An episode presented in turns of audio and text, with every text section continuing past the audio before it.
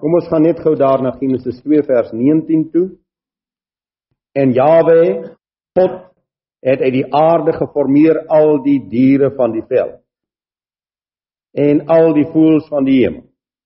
En hulle na die mens gebring om te sien hoe hy hulle sou noem.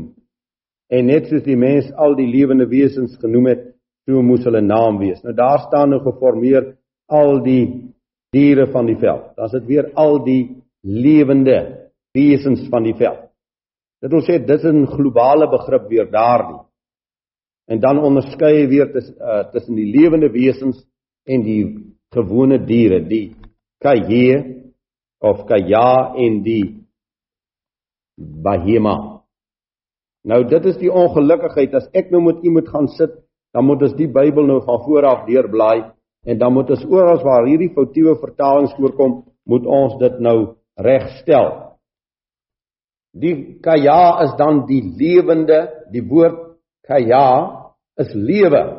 Nou partykeer sit hulle die woordjie nefes by uh wat jy nou met siel kan ook vertaal. Dit wil sê die kaja wat dan nou ook siel is en dan gaan hy net bloot deur na die bahema toe wat 'n uh, eh, diere is of wilde diere ook genoem kan word. So daar is verskriklik verwarring in die skrif oor die vertaling. En dan is daar iets wat ek opgelet het.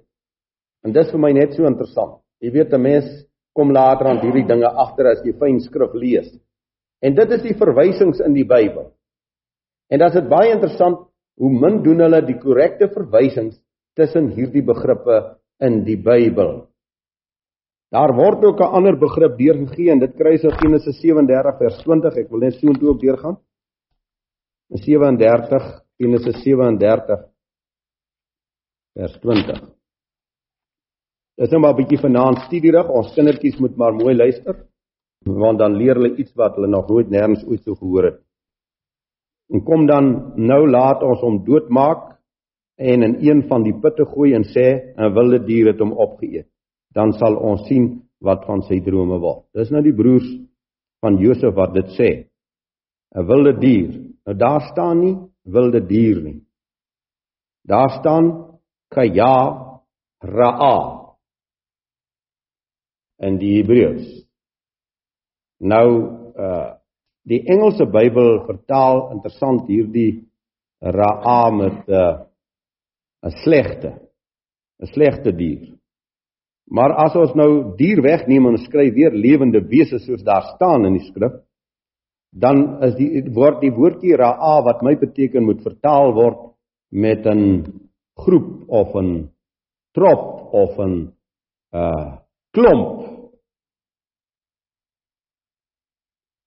Dit is baie interessant dat dit nou hier staan. Kyk as 'n mens nou van 'n wilde dier praat, as ons nou sal sê uh hy is deur 'n wilde dier sal ons tog nie sê 'n wilde dier het hom opgeëet. Klink tog reg. Ons sal sê 'n wilde dier het hom verskeur. Of so iets van die aard, maar opgeëet. Nou ons is nie verbaas oor die opeet nie in Suid-Afrika in hierdie uh besondere uh verligte eeu waarin ons lewe, weet ons dat hulle hulle eie necklace soos hulle sê Hulle steek 'n tyer rondom sy nek aan die brand en ons weet dat hulle hulle opeet. Ons weet mos hulle is vroeër mensvreters genoem. Waar kom dit vandaan?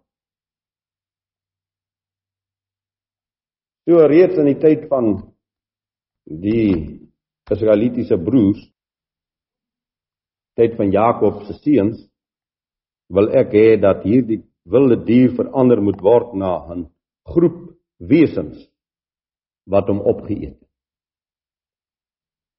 Ek noem dit maar vir die interessantheid daarvan. Daarom moet ons baie skerp onderskei as ons nou die skrif lees dat ons sal onderskei tussen die die wesens en die diere. En ek wil net vir u twee teksverse wat ek al opgetel het waar mense baie groot foute maak omdat hulle die Hebreëse taal nie ken nie. En ons lees gou daar in Jona. Ek het al opgetel dat mense hierdie begrippe so gebruik en dit is baie jammer dat mense nie ag hoe kry ek dan nou nie vir Jona nie. Dat mense nie uh weet nie en verkeerde uitsprake maak. As ons Jona 3 vers 7 lees, dan staan daar en hy het in Ninive laat uitroep en gesê op las van die koning en sy groot manne geen mens of dier, beeste of kleinvee mag iets proe nie. Hulle mag nie wy of water drink nie.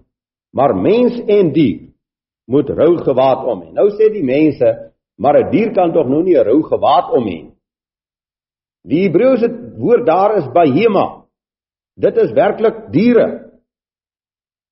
En ek het geen probleem daarmee nie want as u 'n diere so 'n paar dae sonder water en kos sal los, sal u hoor hoe gaan hulle aan. Hulle rou gewaad is dan ook om hulle. Die volgende is Sagaria 8 vers 10 wat ook deur mense verkeerd gebruik word in hierdie land omdat hulle ook nie kennis het nie en hulle uitsprake maak en dit is gevaarlik. Want voor hierdie dae het die mense geen loon getrek nie. Ook vir die diere was daar geen loon nie. En vir die wat uit en ingaan was daar weens die teestander geen veiligheid nie, want ek het al die mense die een teen die ander losgelaat. Nou sê hulle, maar 'n dier kan dan nou tog nie loon trek. Maar natuurlik trek 'n dier loon. My pa het vir sy trekdiere spesiaal kos gegee. Toe ek 'n kind was vir sy diere wat elke dag geploeg getrek het, het hy spesiale soort kos gegee. Natuurlik het 'n kan 'n dier loon trek. Maar daar's ook behema in die Hebreëse taal. Dis nie lewende wesens nie. So ons mense moet tog maar ook versigtig wees om nie die skrifte wil gebruik soos hulle dink hulle wil dit gebruik nie. Hulle moet maar gaan kyk wat staan in die Bybel. Nou baie interessant is dat hierdie wesens eh, deur die Bybelvertalers vertaal word met wilde wesens van die veld. Dat hulle die woord wild byskryf. 'n Veld is altyd by, maar hulle skryf wilde wesens by. Nou as ons nou maar terugkyk na 'n paar jaar gelede in die geskiedenis toe die blankes hierdie land ingetrek het, wat het hulle hier teëgekom? Hulle het baie soorte groepe teëgekom strandlopers, boesmans, uh allerlei soorte swart stamme soos hulle genoem is. En hoe het hulle gelyk en hoe het hulle geleef? Ek dink is 'n baie goeie vertaling wilde wesens van die veld. Want hulle was wilde wesens van die veld en los hom maar net en hy is maar nog net 'n wilde wese van die veld. As ek nou my humor so 'n bietjie wil gebruik, jy weet, u is nie altyd saam met my op my pad deur die land nie. As ek nou so by 'n vreemde groep staan, dan is dit nou sommer van so 'n bietjie humor wat ek mos daarom nou het van die Vader ontvang. Ek wil vir u vra, wie van u het al 'n blanke vrou met netjies gedoende hare en hoë hakskoene netjies geklee op die hoek van 'n straat sien sit of oor 'n asdrom gesien haar? By hulle is dit normaal. Jy moet net fyn oplet. Dan sien ons dit mos. Sogenaamd beskaafd geraak. En die beskawing is 'n baie dun nervie. Oor die eeue het hulle niks tot stand gebring nie.